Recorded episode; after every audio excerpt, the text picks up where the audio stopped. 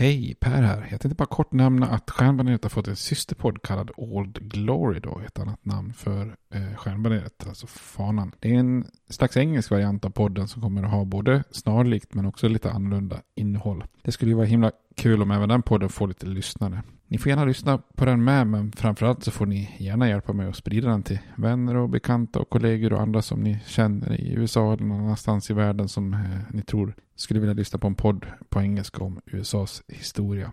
Tack, det var bara det jag ville säga. Nu kommer avsnittet. Hej då! Hej, jag Ryan Reynolds. På Mint Mobile, we like to do the opposite of what Big Wireless does. They charge you a lot, we charge you a little. So naturally, when they announced they'd be raising their prices due to inflation, we decided to deflate our prices due to not hating you. That's right. We're cutting the price of Mint Unlimited from $30 a month to just $15 a month. Give it a try at mintmobile.com slash switch. $45 upfront for three months plus taxes and fees. Promo rate for new customers for limited time. Unlimited more than 40 gigabytes per month. Slows. Full terms at mintmobile.com. Tired of ads barging into your favorite news podcasts? Good news. Ad-free listening is available on Amazon Music for all the music plus top podcasts included with your Prime membership. Stay up to date on everything newsworthy by downloading the Amazon Music app for free or go to amazon.com slash news ad free. That's amazon.com slash news ad free to catch up on the latest episodes without the ads. Millions of people have lost weight with personalized plans from Noom, like Evan, who can't stand salads and still lost 50 pounds. Salads, generally, for most people, are the easy button, right? For me, that wasn't an option. I never really was a salad guy. That's just not who I am. But Noom worked for me. Get your personalized plan today at Noom.com. Real Noom user compensated to provide their story. In four weeks, the typical Noom user can expect to lose one to two pounds per week. Individual results may vary.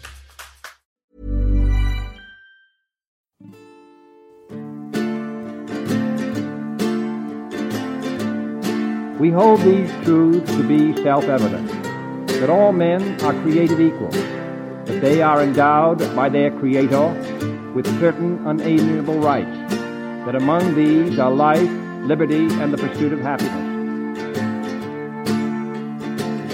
Now we are engaged in a great civil war, testing that government of the people, by the people, for the people, shall not perish from the earth. And so, my fellow Americans, ask not what your country can do for you. Ask what you can do for your country. I have a dream. My four little children will one day live in a nation where they will not be judged by the color of their skin, but by the content of their character. Mr. Gorbachev, tear down this wall. I did not have sexual relations with that woman, Miss Lewinsky.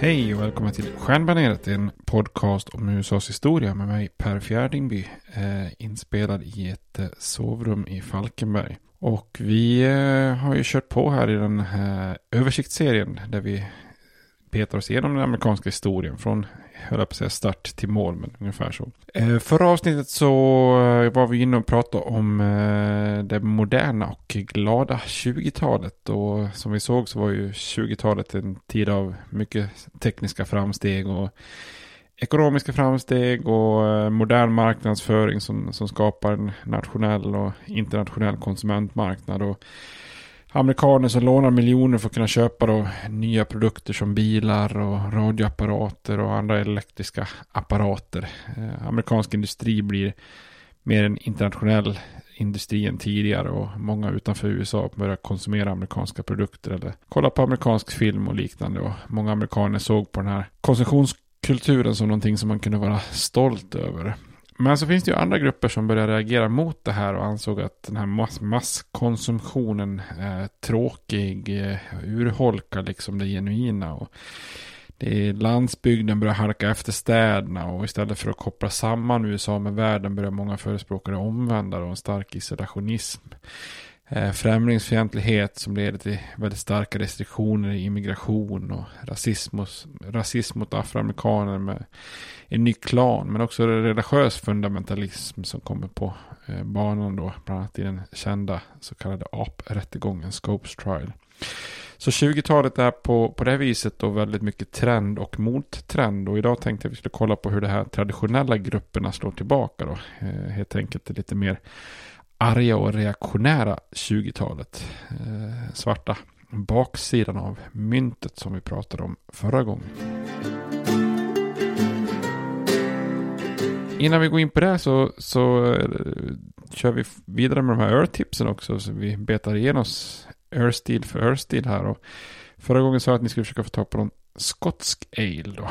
Eh, och eh, ale från Skottland, det är ju eh, kort och gott då skotska ale. Brukar räknas som en egen ölstil eftersom den skiljer sig från både den typiska engelska och då den irländska alen. Det är normalt sett en betydligt mer maltig form av ale där så här fruktiga söta toner får, får skina igenom. Och det är inte, inte speciellt eh, humledrivna då. Eh, Medan andra ale många gånger är ganska humledrivna så är det här malten som får spela första fiolen. Då. Eh, historiskt så odlades inte humle i Skottland helt enkelt utan man använde annan så att säga krydda. Till exempel ljung.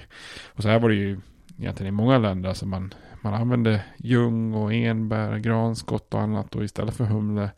Men sen så slår ju humlen igenom som den självklara ingrediensen eftersom det är en så fin bra beska som då balanserar den söta smaken.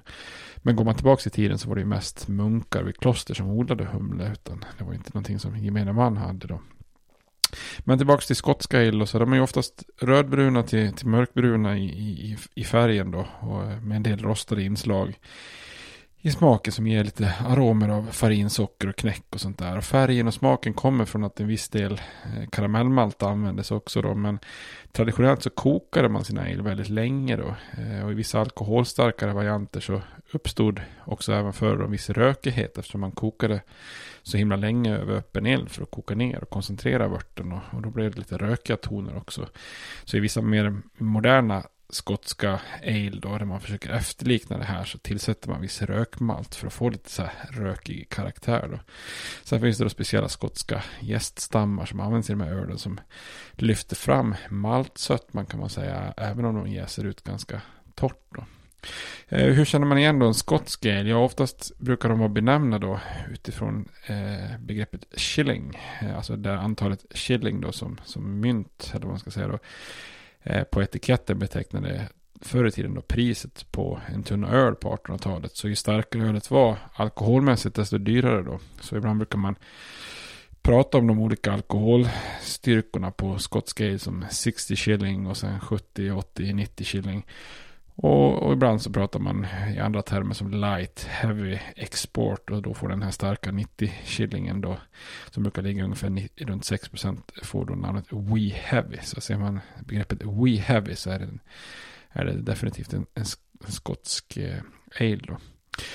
Eh, en väldigt trevlig öl, särskilt så här i mörka hösttider så är det en fin ölstil att sitta och sippa på. Eh, får ni ta på någon, någon klassiskt här, Traquair är en väldigt bra bryggeri för de klassiska då. Deras House Ale eller Jacobite Ale är fantastiska. Men annars eh, om man ska leta på systemet idag så kan man hitta kanske Brewdogs King, Kings Shilling då. Det återkommer här Shilling. Eh, eller Nils Oskar Scotch Ale till exempel. Nästa vecka så tänkte jag vi skulle gå igenom en eh, uh, Earthly som heter Black IPA. Så kan ni försöka få tag på Oppigårds Cascadian Dark Ale eller kanske Rådanäs Black IPA. Eller Spikes öl med det fantastiska namnet Black is beautiful. Eh, eller vilken som egentligen som heter någon form av Dark IPA, Black IPA eller något sånt där.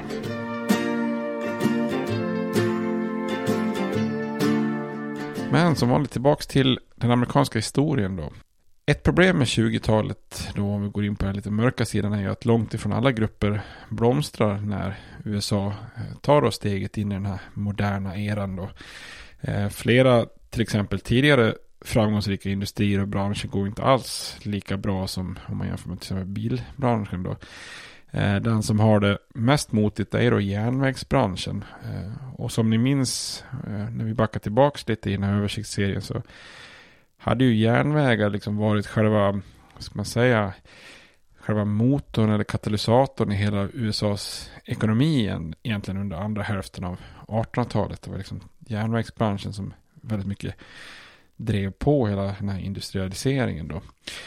Men nu börjar ju då bilindustrin ta över och järnvägar har svårt för att konkurrera då med framväxande bil och lastbilsbranschen då som börjar ta över väldigt mycket av transporten. Då.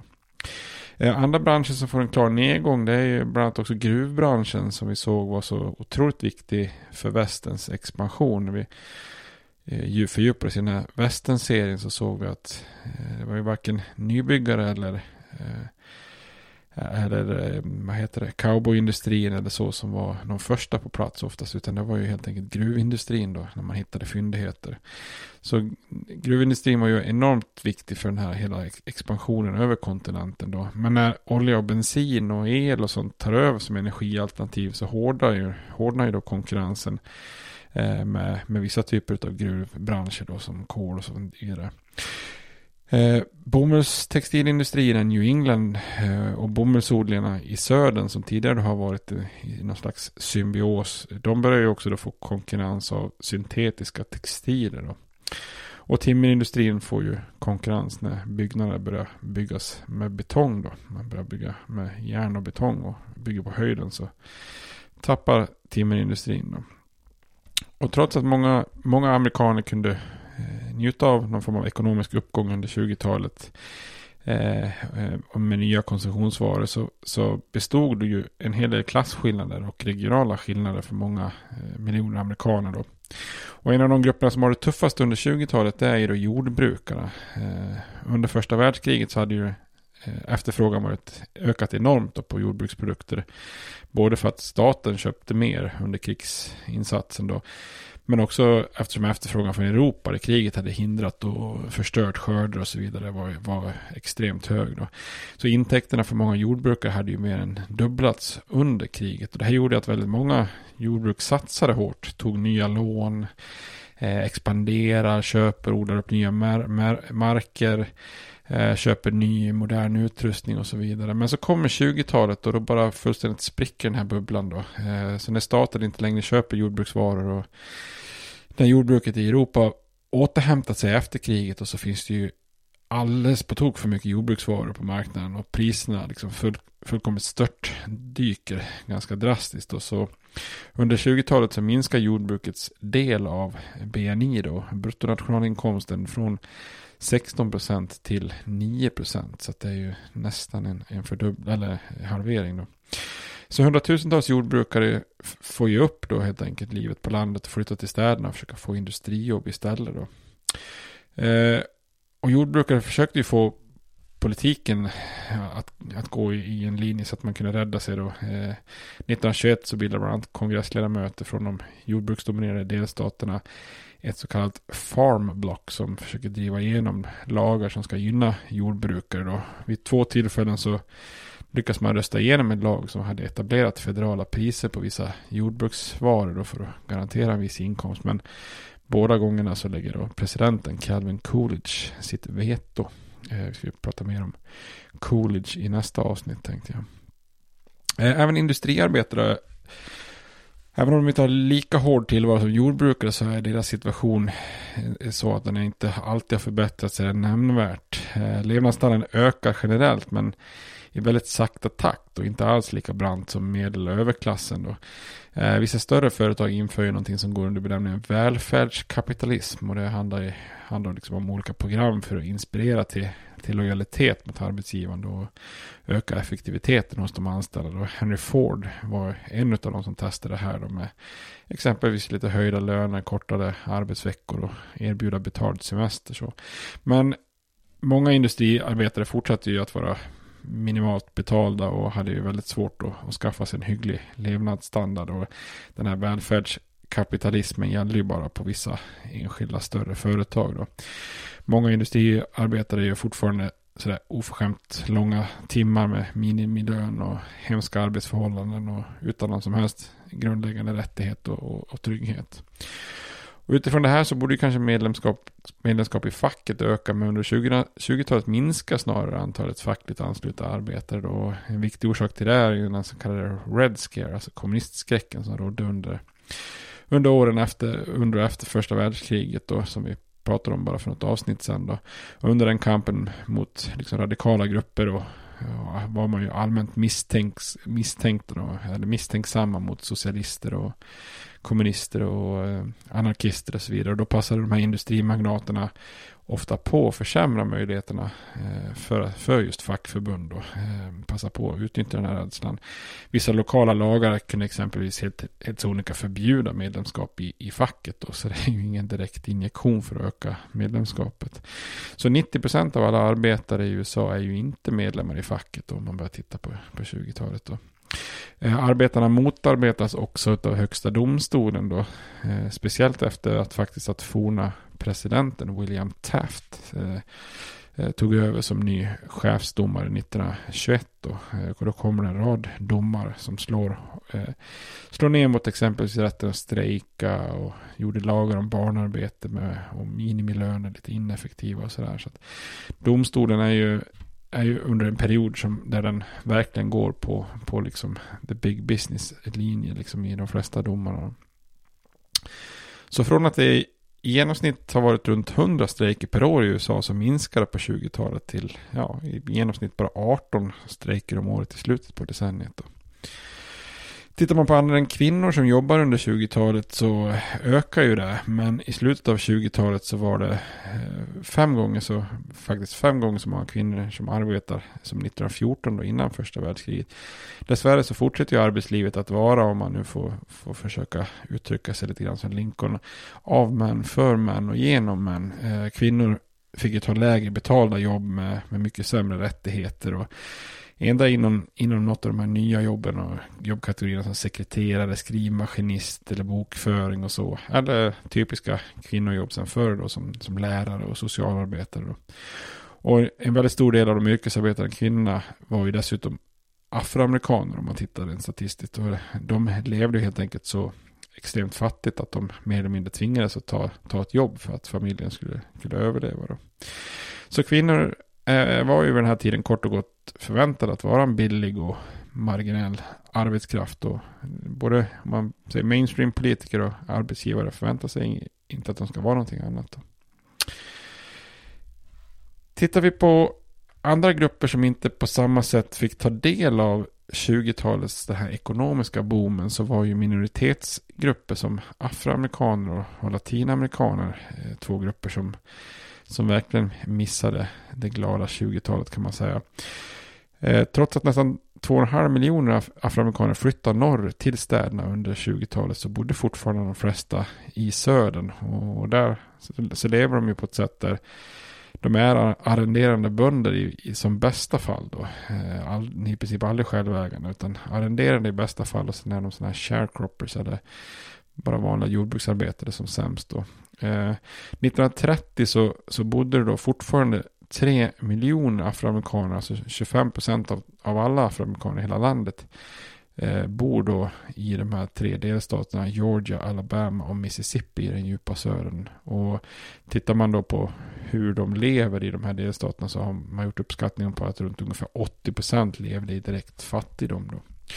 Och för många av de som ändå tar sig norrut och flyttar norrut till nordstaterna så blev flytten inte direkt någon dröm alltid utan ganska snabbt upptäckte man att eh, strukturell social och ekonomisk rasism existerar även i nordstaterna. Och vardagen var ju full av rasism då man, man exkluderades för många jobb. Tittar man på afroamerikanska män så får de ju oftast ha då okvalificerade arbeten som portvakter och vaktmästare, stadsbud, städare, servitörer och liknande. Och afroamerikanska kvinnor får, får ta motsvarande jobb som då hembiträden, tjänare, kock, tvätterska och så vidare. Så man kan säga att ändå anställer man afroamerikaner till enkla jobb eller så anställs de inte alls.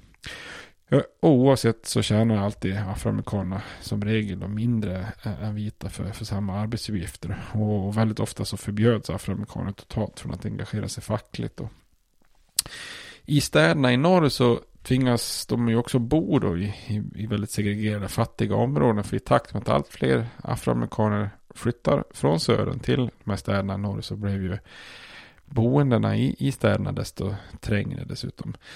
Eh, I New Yorks Harlem då, eller Chicagos Southside, så bodde man enligt en, mynd en myndighet som undersökte boenden sämre och trängre än vad många kor bodde på landsbygden. Så, så där, då fattar man ju liksom lite grann bilden hur det ser ut. Ehm, och den här fattigdomen som man levde i skapade också väldigt mycket hälsoproblem. Då.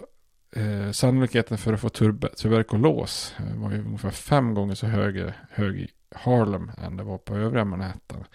Eh, och sannolikheten för att få lunginflammation och tyfoidfeber var ungefär dubbelt så hög i Harlem som övriga Manhattan. Då.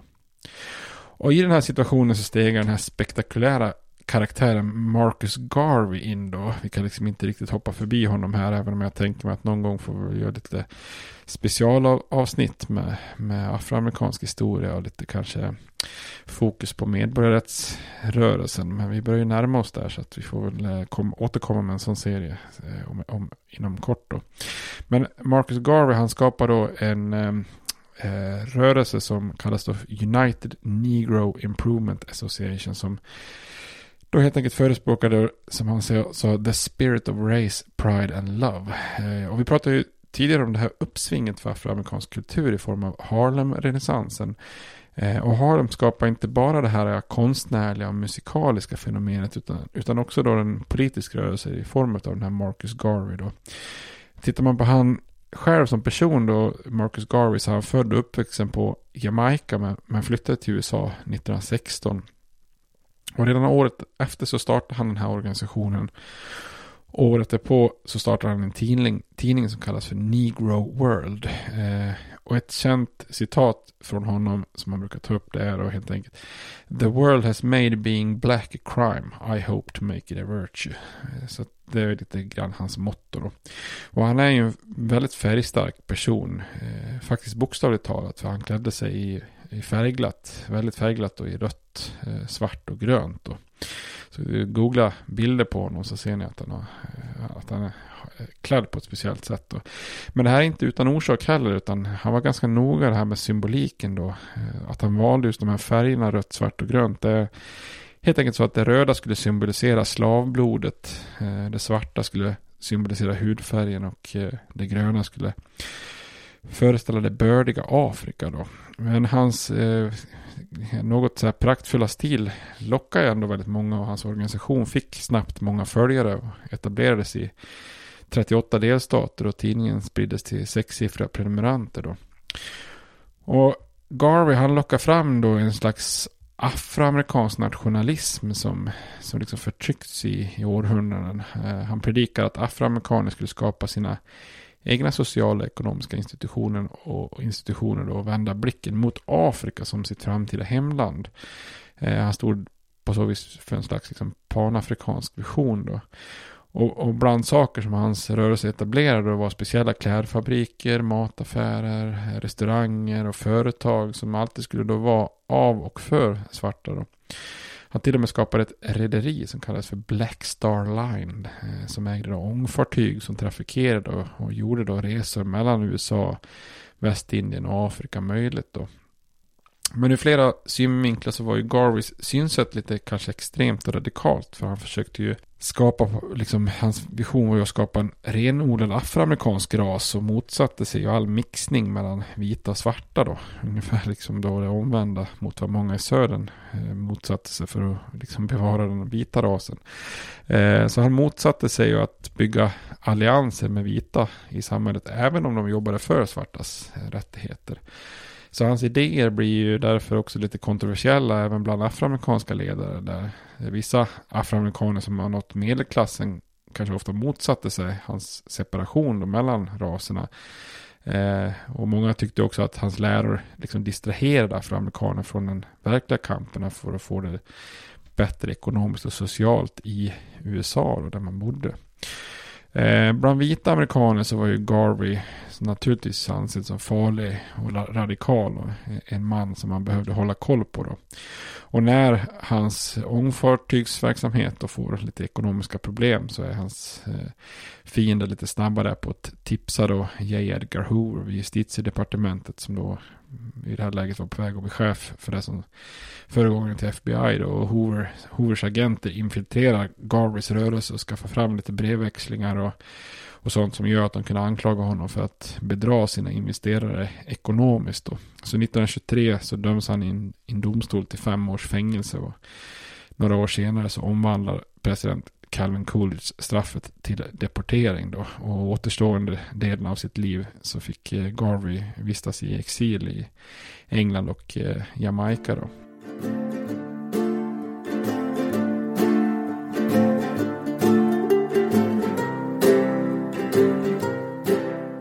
På 20-talet kom ju också en våg av missnöje från många kulturella och intellektuella eh, amerikaner då. Eh, och de här är ju som man kan kalla för traditionalister och de, och de vänder sig mot det här moderna samhället och de nya kulturuttrycken som har uppstått och som jazz, modern feminism, Harlem-renässansen och mycket annat. Då.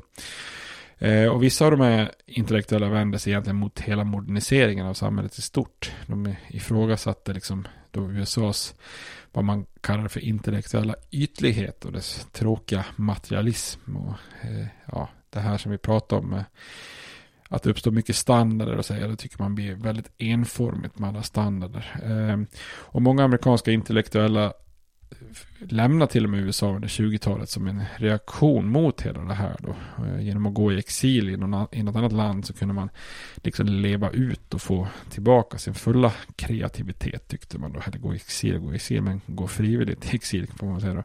Eh, och man drog till Kuba eller liknande ställen då. Eh, och de här amerikanska intellektuella då, alltså man tittar på författare, poeter med mera, de influeras ju också av den här förvirringen och uppgivenheten som, som väldigt många eh, intellektuella i Europa också känner då efter första världskriget. Och första världskriget, den här meningslösa slakten av människor som man såg det då. Eh, ibland brukar de här kallas till och med för den förlorade generationen då. Och de amerikanska författarna i, den här missnöjda förlorade generationen hade ju ett sätt att skriva som, som genomsyras av någon form av rotlöshet och cynism då. Eh, I sin första novell på 20-talet skrev ju den kända F. Scott Fitzgerald om ett samhälle där man upptäcker att alla gudar har dött. Eh, alla krig var utkämpade och förtroendet för människan helt raserat och så att säga. Eh, en av de mest kända är ju naturligtvis också Ernest Hemingway då, som i boken The Sun Also Rises eh, också fångar den här känslan av förlust och förtvivlan som fanns kvar då efter första världskriget. Eh, Andra attackerar då det man ansåg vara den här nya sterila likriktade amerikanska kulturen och materialismen som har uppstått då. Mest kända de är kanske Henry Louis Mencken som då i boken Main Street beskriver eh, liksom den trångsynthet som han tycker symboliserar amerikanska småorter. Eh, och i, i boken Babbitt beskriver han en fastighetsmäklare i en småstad som nästan jobbar mekaniskt tråkigt. Eh, och han skulle faktiskt bli eh, den första amerikanen att vinna Nobelpriset i litteratur 1930 för, för de här prestationerna. Så det pågår ju någon form av motreaktion här lite grann som ett slags första kulturkrig uppstår då. Eh, 1929 hade USA 93 städer med över 100 000 invånare. Eh, och flera eh, av, av de största städerna har väckt sig de riktigt stora då, eh, med New York City då i spetsen och såklart med 7 miljoner invånare. Och livet i staden och värderingarna där, vilket då inkluderar miljontals immigranter, börjar så smått skilja sig från småstäderna och jordbruksregionerna. Och inhemska födda, inhemskt födda då vita protester i de här jordbruksregionerna började på 20-talet skydda det man såg som klassiska amerikanska värderingar från det här nya moderna samhället och urbana kulturen i städerna. Och den här reaktionen skapar ju då ett slags kulturkrig på, på många fronter. Eh, frälsning enligt den här självpåtagna beskyddarna av amerikansk tradition och värderingar från tidigare tider innebar ju på något vis en attack mot utländska immigranter och implementeringen av det här alkoholförbudet och ett återuppväckande av protestantiska ideal. Då.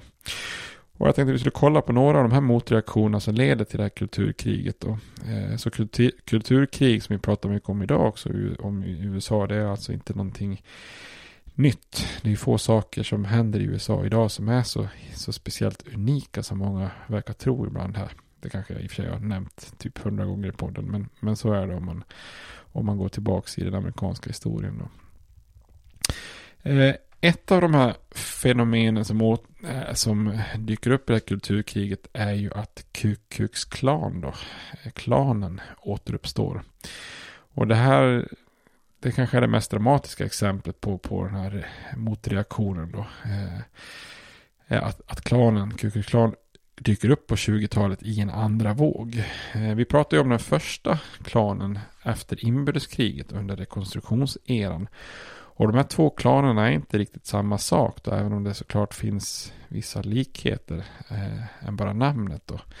Men om vi kommer ihåg, backa tillbaka då på slutet av 1860-talet så var ju Ku Klux Klan en organisation som ofta bestod av före detta soldater och befäl från de besegrade konfererade arméerna och, och deras fokus, eh, främ, eller främsta fokus då hade ju varit att jaga befriade slavar som inte stannade på plantager och att hindra folk från nordstaten att komma söderut. Då. Eh, man slog ju tillbaks allt, alla typer av republikaner i södern som en slags våldsam förgrening av det demokratiska partiet under den här rekonstruktionseran. Och målet hade ju varit att demokraterna skulle få återfå makten i södern då efter den här ockupationen av nordstatsarméerna. Och när man fick det då efter den här kompromissen som vi, som vi pratade om 1877 då, så då dör ju också den här klanen mer eller mindre ut då. Man kan säga att jobbet är ju, är ju gjort, så det finns liksom ingen mening med att ha klanen kvar då. Demokraterna har liksom eh, tagit över södern och, och, och inför då någon form av liksom rasistisk vit maktsamhälle där som gör att af afroamerikaner inte längre är ett hot då. Eh, den här andra klanen som kommer nu då under eh, och startas. Eh, den, eller man vill säga att klanen återuppstår då. Det sker då 1915 i, i Georgia. Eh, och då är det en metodistpastor, William Simmons, som samlar ett antal män vid Stone Mountain utanför Atlanta, Georgia. Där man hyllar en amerikansk flagga och bränner ett kors då. Eh, och från det så får Ku Klux Klan en väldigt snabb och stor spridning då. Givetvis i södern men också på nationell basis. Så en sak som bidrar starkt till den här spridningen är en film.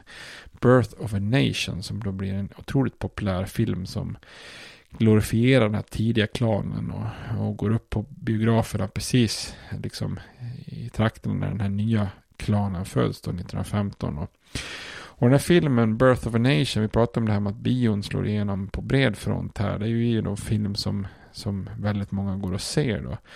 Och Birth of a Nation då, nationens födelse om man översätter, kom, kom till då bara 50 år efter inbördeskriget. När den här så kallade Lost Cause-myten står på sin höjdpunkt på många sätt. Vi pratar om den här myten om inbördeskriget där man i södern liksom försvarar sig att man inte någonsin gjorde något fel direkt då. Eh, och filmens andra halva är liksom väldigt anmärkningsvärd. Och det, det handlar om inbördeskrigets slut och slaveriets avskaffande skildras då. Och hur, södra, hur södern invaderas av, av svarta som i filmen då framstår som onda och djuriska. Och de vita huvudpersonerna är förtvivlade men en av dem får plötsligt inspirationen när han ser små barn leka med lakan. Och därför grundas då Ku Klux Klan. Och, och klanen framställs då i filmen som Söderns hjältar och lyckas rensa sin stad från svarta och, och rädda en kvinna som hålls fången av de svartas ledare. Och det är ju en stumfilm och, och klippen är ju så jävla sjuka. Man kan liksom verkligen, man kan se klipp på det här om man söker på nätet. Det är väldigt spännande. Man ser typ en vit man som uppenbarligen har målats svart, ett sånt där blackface som, som jagar då liksom helt en, en totalt överspelad hysterisk kvinna. Och han ser så här Eh, löjligt djurisk ut som man kan tro att det är någon slags jävla varulvsfilm egentligen då. Eh, men det är ju tragikomiskt värre då när man ser det. Eh, om man då samtidigt vet att det här är ju inte bara någon gammal pajasrulle från, från 1915 utan det här är ju en stumfilm som fick enormt inflytande på, på dåtiden då. Eh, så att med den här filmen så, så sprids klanen eh, väldigt snabbt. Och den här återuppstådda klanens motto blir då Native White Protestant Supremacy. Eh, och här, det är också intressant. Så agendan är så att säga breddad eh, för att tilltala väldigt många vita och inhemskfödda protestanter. Rasfrågan är fortfarande viktig då, men man, ut, man utövar ju liksom ett fruktansvärt förtryck av afroamerikaner genom våld och lynchningar. Men men det finns också ett slags religiöst och främlingsfientligt inslag med. Och i, klanen hotar att utöva våld även mot alla liksom icke-protestantiska grupper då, speciellt katoliker och judar också då. Eh, och även utlänningar i största allmänhet kan hamna då i klanens klor. Eh, var det inte liksom rena brottsliga terrorhandlingar så kunde man också utöva väldigt stor ekonomisk bojkott mot de här grupperna då. Så har du någon form av liksom immigrantaffär så, så, så, så ser man till att den inte överlever till exempel. Så här är en rö rörelse som inte är då lika primärt vit maktorienterad utan mer en slags protestantisk populistisk medelklassbaserad missnöjesrörelse som ville liksom rena samhället och inte bara utifrån ras utan även religion och immigration men också på ett brett plan, alltså mot brottslighet och synder av alla tänkbara slag och moraliskt förfall, allt utifrån deras egna tolkning då. Så de här vita rockarna, rockarna och huvudena som de bar på sina hemliga ritualer skulle då symbolisera en slags renodlad vit protestantisk amerikansk kultur som var under angrepp från andra både raser, immigranter och religioner då. Så för att bevara den här renodlade amerikanska kulturen som man sa ägnade man då åt ja, korsbränning kanske var det eh, liksom det mest harm, harmlösa men eh, även misshandel och kidnappning och lynchning och mord och, och lemlästning då på många sätt. Eh, det finns ju extremt många fruktansvärda bilder om man söker på, på liksom lynchning och lemlästning från, från södern på, om man går tillbaka i tiden. Då.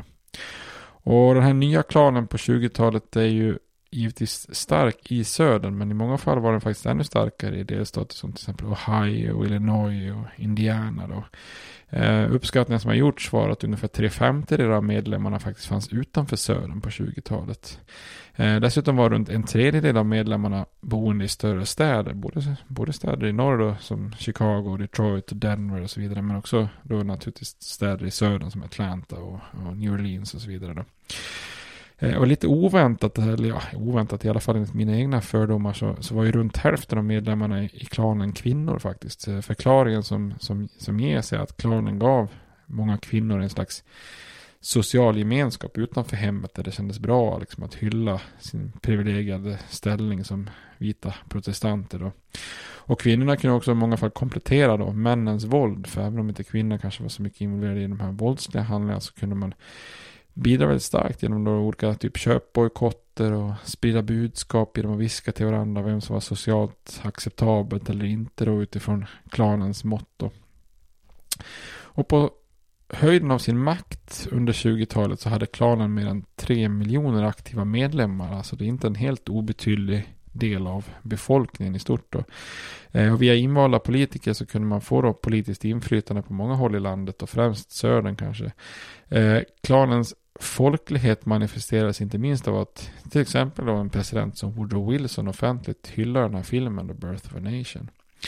Eh, 1925 då när klanen lite står på sin höjdpunkt så håller man till och med en parad i Washington DC nerför självaste Pennsylvania Avenue då, eh, där över 50 000 deltar i sina vita rockar och huvor. Eh, så det här är helt sinnessjukt. Det finns också bilder på det här, så sök på det får ni se. Ku Klux paraden i Washington DC 1925. Och det rasistiska våldet som, som skapas då eh, leder också till många upplopp 1919 som vi pratade om i tidigare avsnitt. Men det fortsätter ju att blossa upp då och då. Eh, det är ju upplopp i många städer, eh, även i norr då. Eh, vi pratade tidigare då i något avsnitt om de här raskravallerna i staden Tulsa i Oklahoma 1921. Eh, men sen börjar, från 1925 då när de håller sin parad i DC så, så börjar klanen tappa lite fäste och inflytande och medlemmar.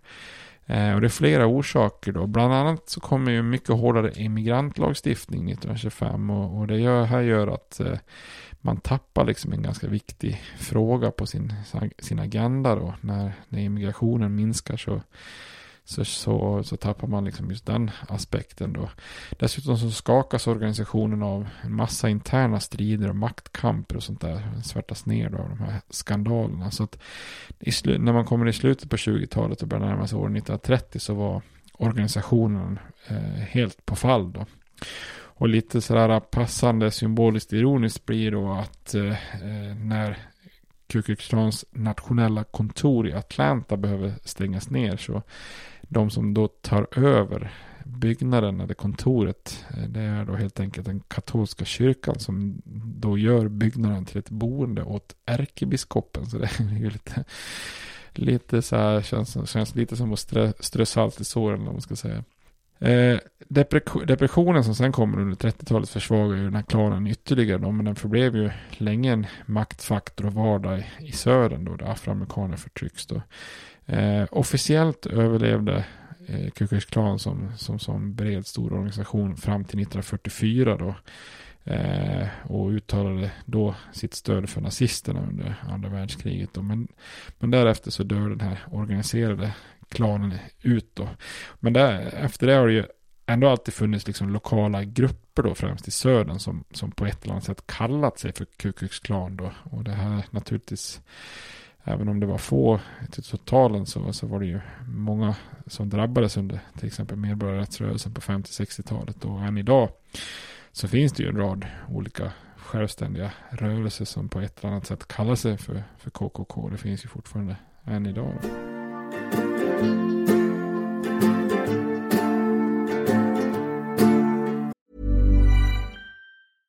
Hey, I'm Ryan Reynolds. At Mint Mobile, we like to do the opposite of what Big Wireless does. They charge you a lot, we charge you a little. So naturally, when they announced they'd be raising their prices due to inflation, we decided to deflate our prices due to not hating you. That's right. We're cutting the price of Mint Unlimited from $30 a month to just $15 a month. Give it a try at mintmobile.com slash switch. $45 upfront for three months plus taxes and fees. Promo rate for new customers for limited time. Unlimited more than 40 gigabytes per month. Slows. Full terms at mintmobile.com. Tired of ads barging into your favorite news podcasts? Good news. Ad-free listening is available on Amazon Music for all the music plus top podcasts included with your Prime membership. Stay up to date on everything newsworthy by downloading the Amazon Music app for free or go to amazon.com slash news ad free. That's amazon.com slash news ad free to catch up on the latest episodes without the ads.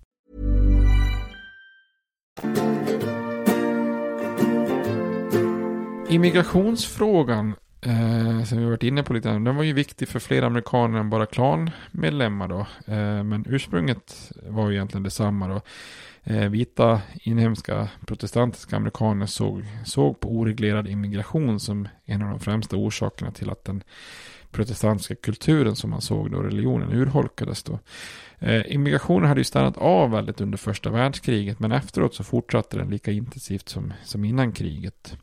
Och USA som ett land med 105 miljoner invånare hade på bara 40 år tagit emot då 23 miljoner immigranter och, och många menar att det var omöjligt att integrera så många då.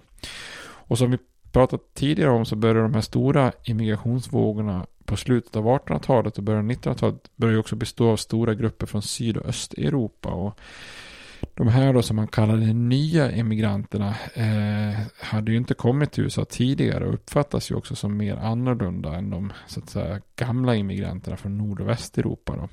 Vi pratar liksom om katoliker, judar, ortodoxa religioner, kulturer från Medelhavet och de slaviska länderna. Så när immigrationen återhämtat sig efter världskriget så, så dyker det upp då hela 805 000 immigranter eh, under bara 1921. Eh, och två tredjedelar av de här knappa miljonen då här ju, var det också från Syd och Östeuropa. Och, och att de här grupperna underminerar den amerikanska kulturen och den amerikanska varianten av det engelska språket och den protestantiska religionen var ju illa nog tyckte vissa då. Men allvarligare enligt breda massan var ju också att man uppfattade att de här grupperna eh, också förde med sig eh, farliga radikala doktriner. Som typ ja, men anarkism, socialism och kommunism då som vid den här tiden, om ni kommer ihåg den här Red Scare som var precis efter eh, första världskriget skapar ju en, en väldig rädsla för de här ideologierna då. Eh, så den så kallade nativismen, alltså främlingsfientliga rörelsen, växer sig väldigt stark och får väldigt stort politiskt inflytande under 20-talet. Eh, den har ju såklart en bakgrund, men redan 1882 pratade vi om att kongressen förbjöd kinesisk immigration. Och 1907 så hade ju Theodore Roosevelt förhandlat fram den så kallade gentlemannauppgörelsen som begränsade japansk immigration. Då. Men i kongressen fanns väldigt mycket leda, många ledamöter som ville införa ytterligare restriktioner för immigranter. Då. Och vissa menar att USAs välfärd stod på spel här om man inte stängde dörren för immigranter. Eh, och andra menar att USA kan inte vara platsen där andra länder dumpar sina fattiga och utstötta. Eh, ja, lite grann samma gamla trötta debatt som ibland finns i Sverige då. Eh, redan 1921 så röstade kongressen igenom en lag med, med tillfälliga immigrationsrestriktioner som en krisåtgärd efter första världskriget. Och på många sätt hade ju den, den så kallade, med, hade den så kallade Red Scare då, kommunistskräcken eldat på de här rädslorna. Eh, 1924 så proklamerar presidenten Calvin Coolidge att America must be kept American. Eh, och kongressen svarade om att rösta igenom en lag som satte permanenta restriktioner på, på immigrationen till USA. Då. Den här dagen kallas ju för The National Origins Act från 1924. Och den här lagen använde då befolkningsstatistik som gick tillbaka 34 år i tiden eh, för att då sätta en form av kvot för olika länder.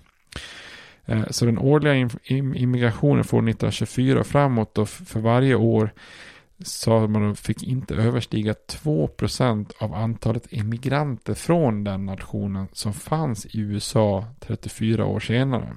Hängde ni med på den? Den är inte lätt att hänga med på.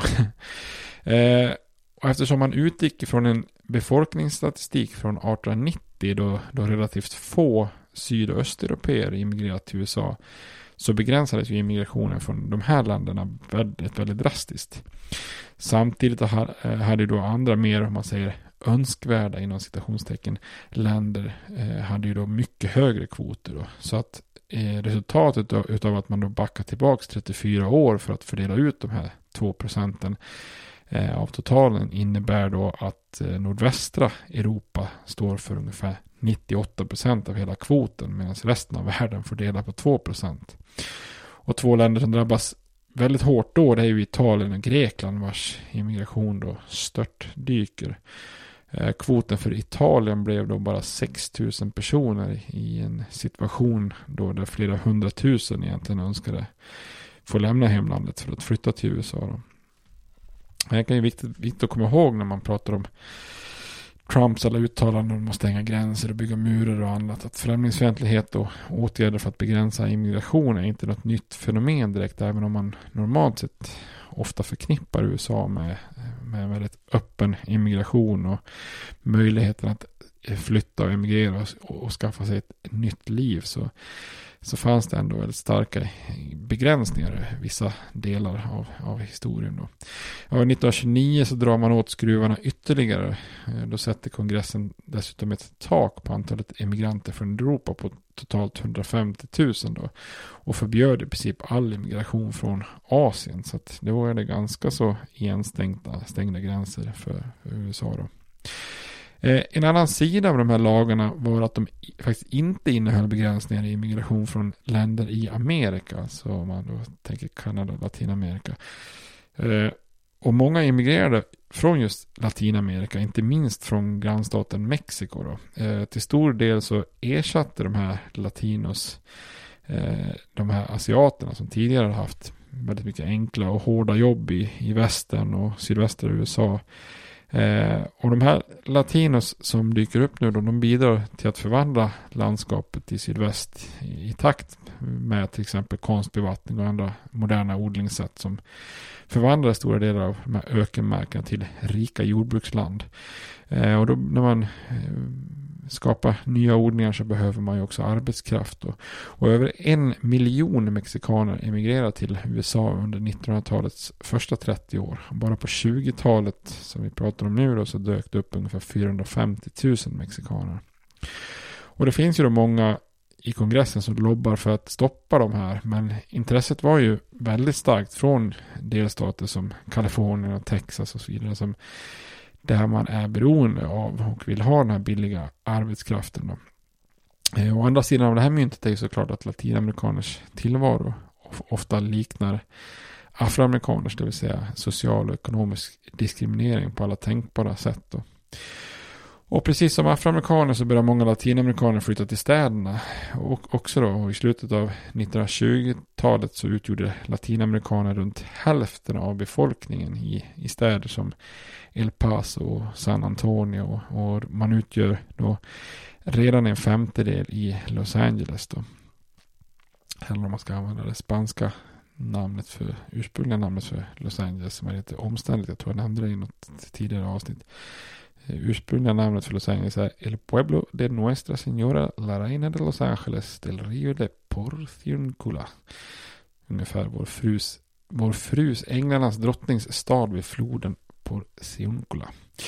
Ja, hur som helst, det var kanske lite av en parentes, parentes. Men Tittar vi också då på västra USA och sydvästra USA så är det ju väldigt många delstater som fortsätter att diskriminera asiater väldigt, väldigt hårt. Då. Vissa delstater lagstiftar till och med att asiater inte skulle få ha samma medborgerliga rättigheter som att äga mark, möjligheten att bli undervisade i eh, och använda sitt hemspråk och den typen av åtgärder. Asiatisk kultur anses så fruktansvärt skadligt att man exempelvis tar bort referenser till samurajer, shogun, kejsare och så vidare i historieböcker. Och det här, det här är naturligtvis grogrunden för den här hysterin som uppstod kring japanamerikaner under andra världskriget när de tvångsinterneras i koncentrationsläger.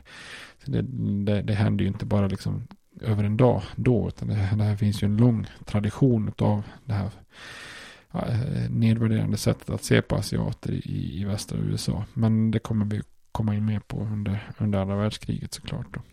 Kulmen på den här nativismen och kritiken mot immigranter kom ju väldigt mycket med en symbolisk händelse som fick stor uppmärksamhet. Och det är rättegången mot två italienska immigranter då. Nicola Sacco och Bartolomeo Vanzetti. Eh, det är två män som 1920 arresteras eh, anklagade för mord i Braintree i Massachusetts. Så, eh, man fann båda två skyldiga och eh, de dömdes då till döden. Eh, och om de var skyldiga eller inte eh, var ju oklart eller, eller hur man ska se det. Det var nog antagligen till och med mycket möjligt. Problemet och det som chockar många intellektuella och jurister och politiker. Det var ju då att själva rättegången var blev väldigt mycket av en fars och full, fullsmockad med extremt grova fördomar mot italienare då. Eh, själva domaren i rättegången kallade dem till exempel för anarchistic, eh, anarchistic bastards och, och, och, liknande. Och I efterhand då när man tittar på det så verkar det som att det brott som de verkligen främst var, var skyldiga till det var snarare att de var italienare än, än mördare på något vis. Då. Och deras fall fick ju då väldigt mycket sympati världen över, även i USA där många, många ansåg att den här rättegången var allt annat än, än, än en, eh, en värdig rättegång då för någon som är anklagad för mord. Eh, socialisten Eugene Debs gav dem sin sympati, men också en person som till exempel juristen Felix Frankfurter som eh, då var vid Harvard Business Law School men som senare kommer att bli en känd domare i högsta domstolen. Då. Eh, efter år av protester så, så, så, hjälper det inte utan de här två, Sacco och Vanzetti, avrättas i elektriska stolen 1927.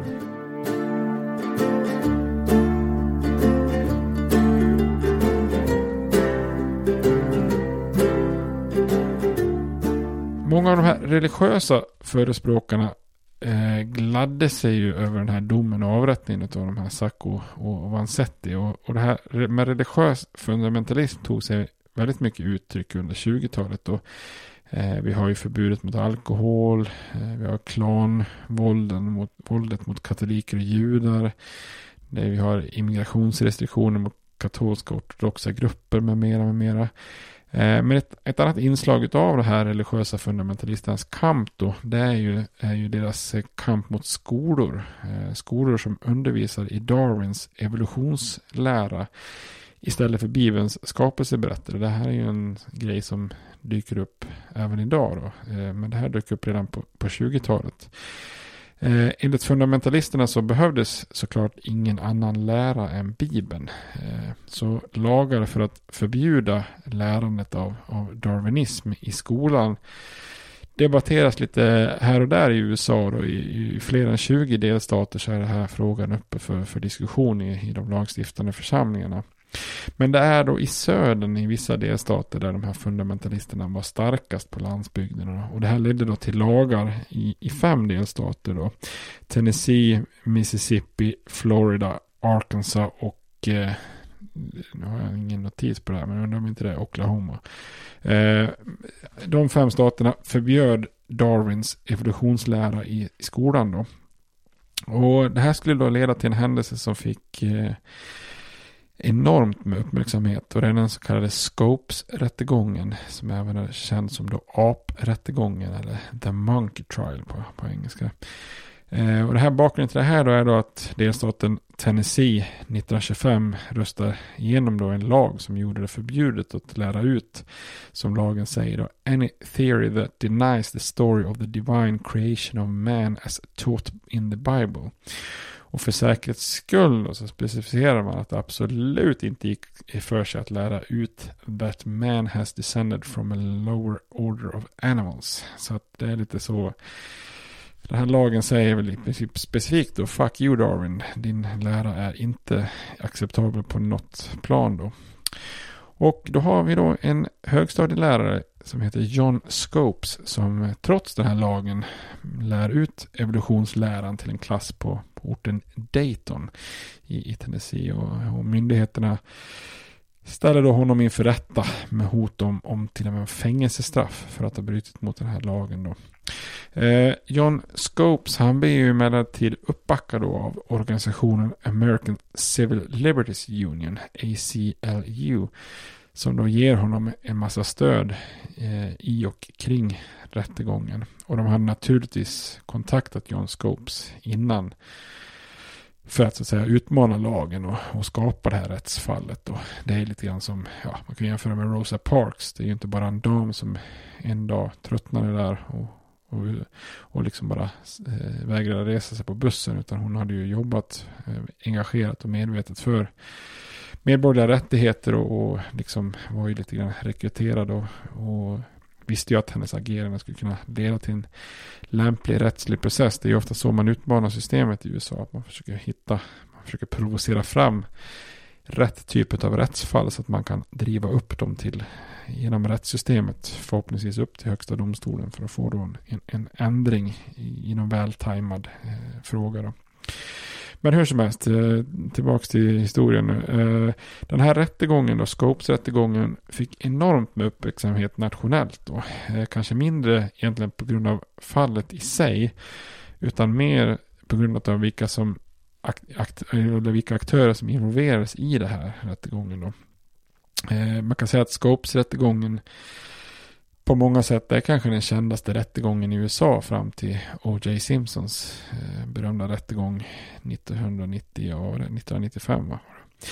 Eh, och den här organisationen då ACLU, de anlitar för att försvara Scopes den enormt kända stjärnadvokaten Clarence Darrow man kan väl säga att han är lite grann som, som 20-talets eh, Johnny Cochran. Alltså Johnny Cochran som är känd på 90-talet men alltså eh, 20-talets variant av det.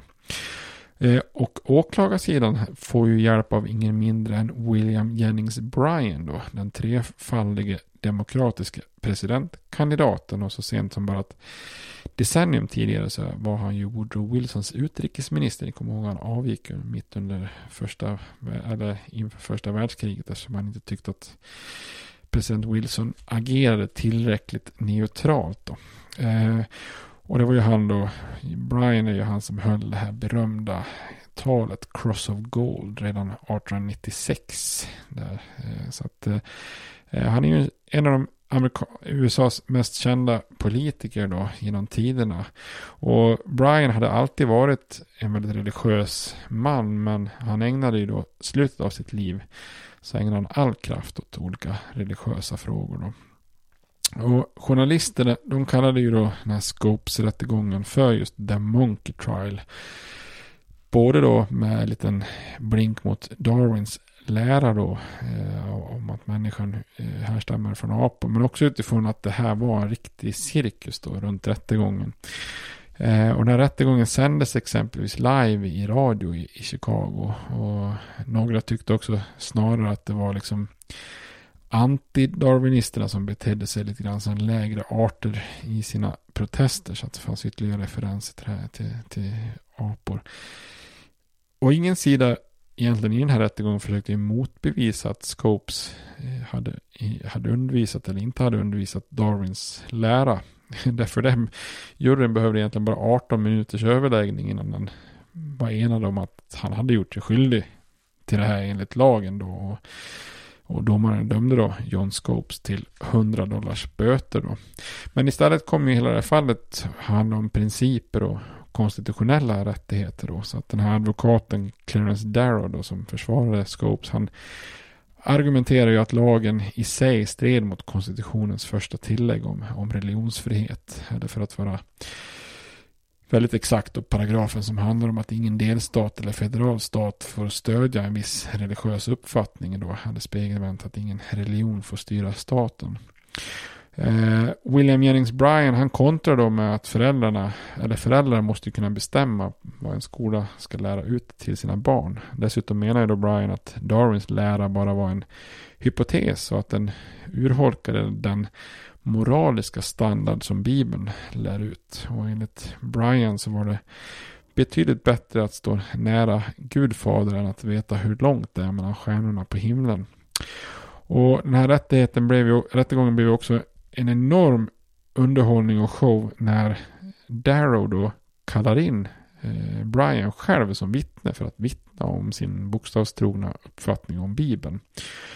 Eh, och eh, Darrow lyckas då under den här eh, vad heter det, cross examination eh, under utfrågningen lyckas han få Brian då att erkänna att religiös lära faktiskt kunde tolkas olika och att dagen då jorden skapades kanske var för flera miljoner år sedan. Och eh, då blir det liksom lite löjeväckande för att det var ju exakt det som eh, Darwin menar att det har varit en utveckling under väldigt många år och så vidare. Så William Jennings Bryan gör en extremt dålig insats här när han ska försöka stå upp för sina religiösa eh, förklaringar här. Och håller en massa svävande osammanhängande svar som gör att liksom Darrow liksom verkligen bara äger honom och nästan förnedrar honom där i rättssalen. Högsta domstolen skulle ju också senare ta upp fallet och, och deklarera att Tennessees lag faktiskt också stred mot konstitutionen men trots det så valde delstaten så här lite trotsigt att vara kvar, eh, kvar den här lagen i lagboken i mer än 30 år efter att domen föll, även om inte den följdes då. Så lite klassisk sandlådenivå. Eh, Brians dåliga insats i förhören symboliserade för, för väldigt många triumfen då för ett modernt vetenskapligt tänkande över religiös fundamentalism. Och, och den bilden förstärktes väl i, i, media också. Och det var ju lite lätt att skratta åt Brian då, som dessutom eh, lite tråkigt dog bara två veckor senare efter den här rättegången. Då. Men, men med tiden skulle det här skrattet kanske fastna lite grann i halsen på många. därför att den, religiösa fundamentalismen hade ju kommit för att stanna då. Eh, sakta, sakta skulle det sen börja växa under 1900-talet. Eh, redan 1930 så valde 70% av landets alla high schools att, att inte undervisa något om evolutionsteorin på frivillig, på frivillig väg. Då.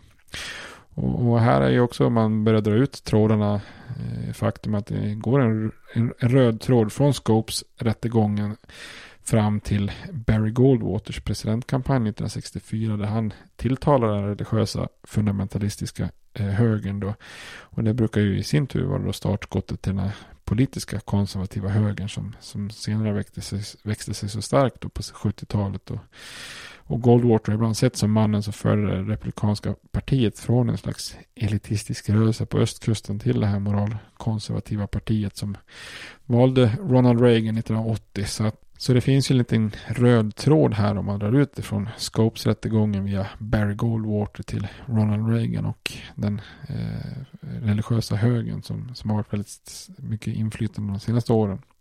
Den här rättegången eh, nämns faktiskt på ganska många ställen i olika kultursaker. Då. Bland annat Bruce Springsteen tar, tar upp rättegången i en låt med det ganska passande namnet Part Man, Part Monkey.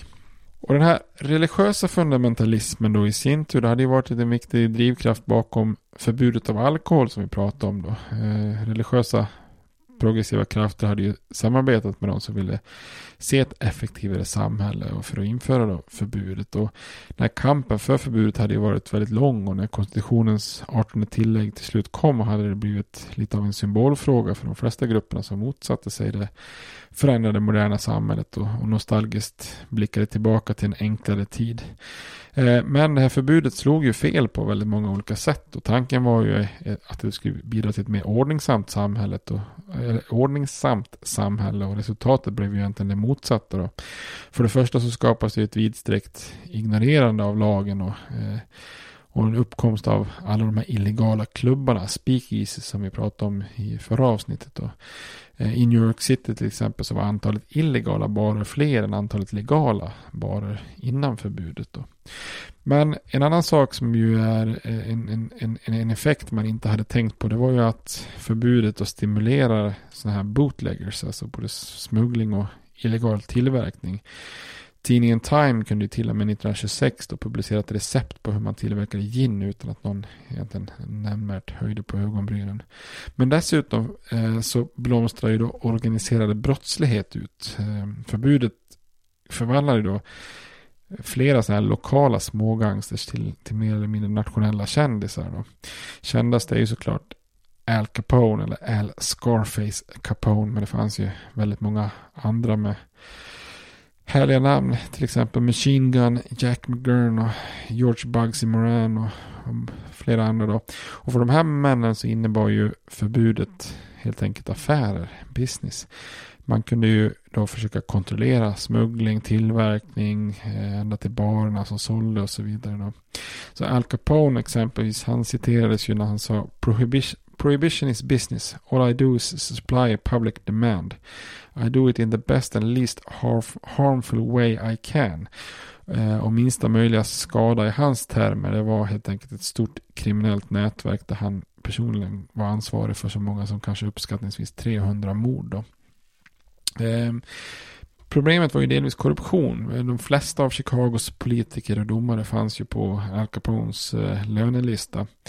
Eh, och symboliskt för hela den här bilåldern, vi pratar om hur, hur, bilarna slår igenom och verkligen bara omdanar hela samhället. Och, och symboliskt nog för hela den här bilåldern är ju att Mr. Scarface himself åkte runt och i den största och tyngsta bilen av dem alla. En specialkonstruerad Cadillac med skottsäkra glas och speciella utrymmen för maskingevär och vapen och olika slag. Då. Och trots alla bevis på att förbudet var ett enda liksom stort kontraproduktivt misslyckande så fortsatte ju ändå väldigt många vita prote eh, protestanter då på den eh, jordbruksdominerade landsbygden att försvara förbudet. Och för, för dem var det liksom någonting större än bara själva alkoholen i sig. Det var ett försök att försvara det traditionella USA från det ökade inflytandet från storstädernas kosmopolitiska kultur, eller kosmopolitiska kultur. Då. Eh, så den här kampen mellan så kallade wets and dries var ju hård i, i väldigt många delstater som vi kommer att se när vi går in på, på politiken. Då. Eh, en av de som gav sig in i kampen mot organiserad brottslighet var just J. Edgar Hoover som jag nämnde innan. Då. Han blir ju 1924 chef för eh, myndigheten som heter Bureau of Investigation som är då föregångaren till det som sen blir FBI 1936. Så med honom då eh, som chef här 1924 så får den här federala brottsbekämpande myndigheten betydligt större befogenheter och kan börja då slå till mot alla de här organiserade brottsligheterna, gangsters.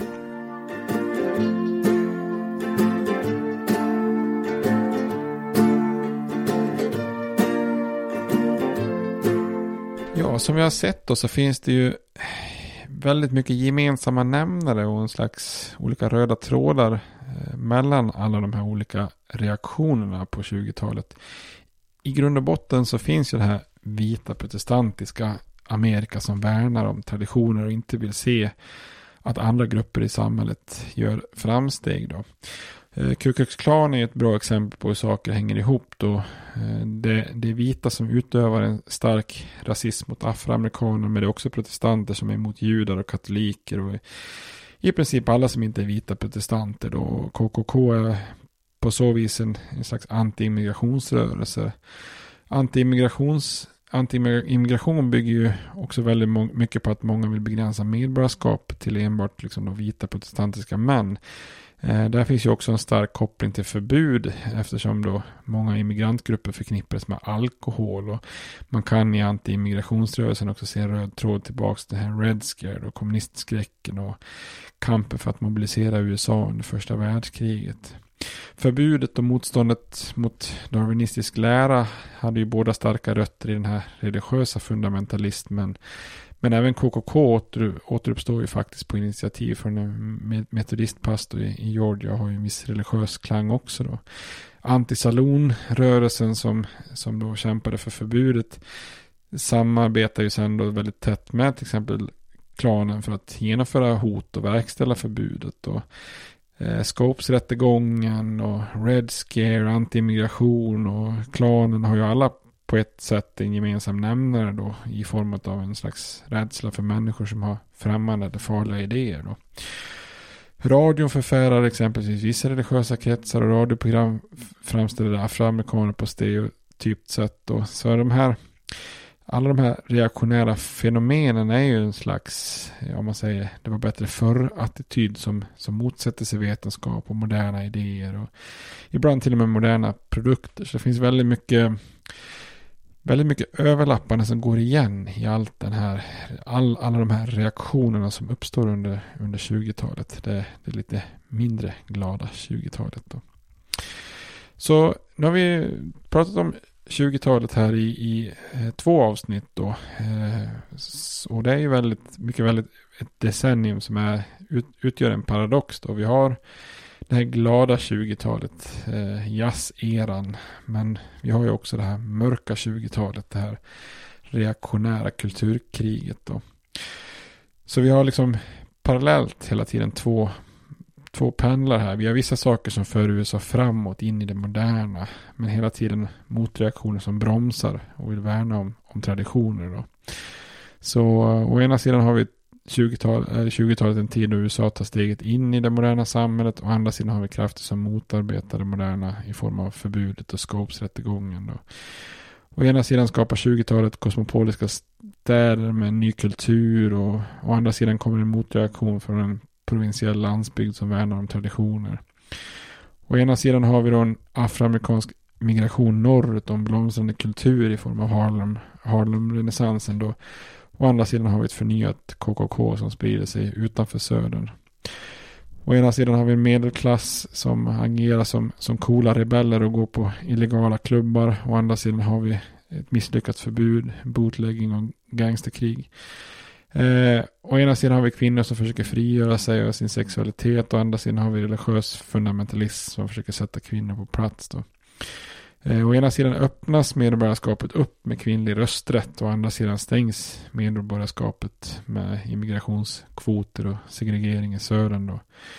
Eh, å ena sidan har vi en kulturell utveckling med, med, med jazz och Harlem-renässansen. Å andra sidan har vi intellektuella som motsätter sig det moderna och värnar om det traditionella. Så att, eh, som vi ser har vi hela tiden en, en slags modernitet följt av en motreaktion. Då. Och de här spänningarna då mellan stad och landsbygd, mellan modernitet och tradition, mellan progress och motreaktion och så vidare, som, som väldigt mycket präglar 20-talet, formar ju också naturligtvis politiken under de här åren. Eh, men det ska vi lämna till, till nästa avsnitt. Tills dess får ni såklart ha det jättebra. Hej då! States like these and their terrorist allies constitute an axis of evil. And if the hippies and the yippies and the disruptors of the systems that Washington and Lincoln as presidents brought forth in this country will shut up and work within our free system of government, I will lower my voice. If the impeachment provision in the Constitution of the United States will not reach the offenses charged here, then perhaps that 18th century constitution should be abandoned to a 20th century paper shredder. Therefore, I shall resign the presidency effective at noon tomorrow.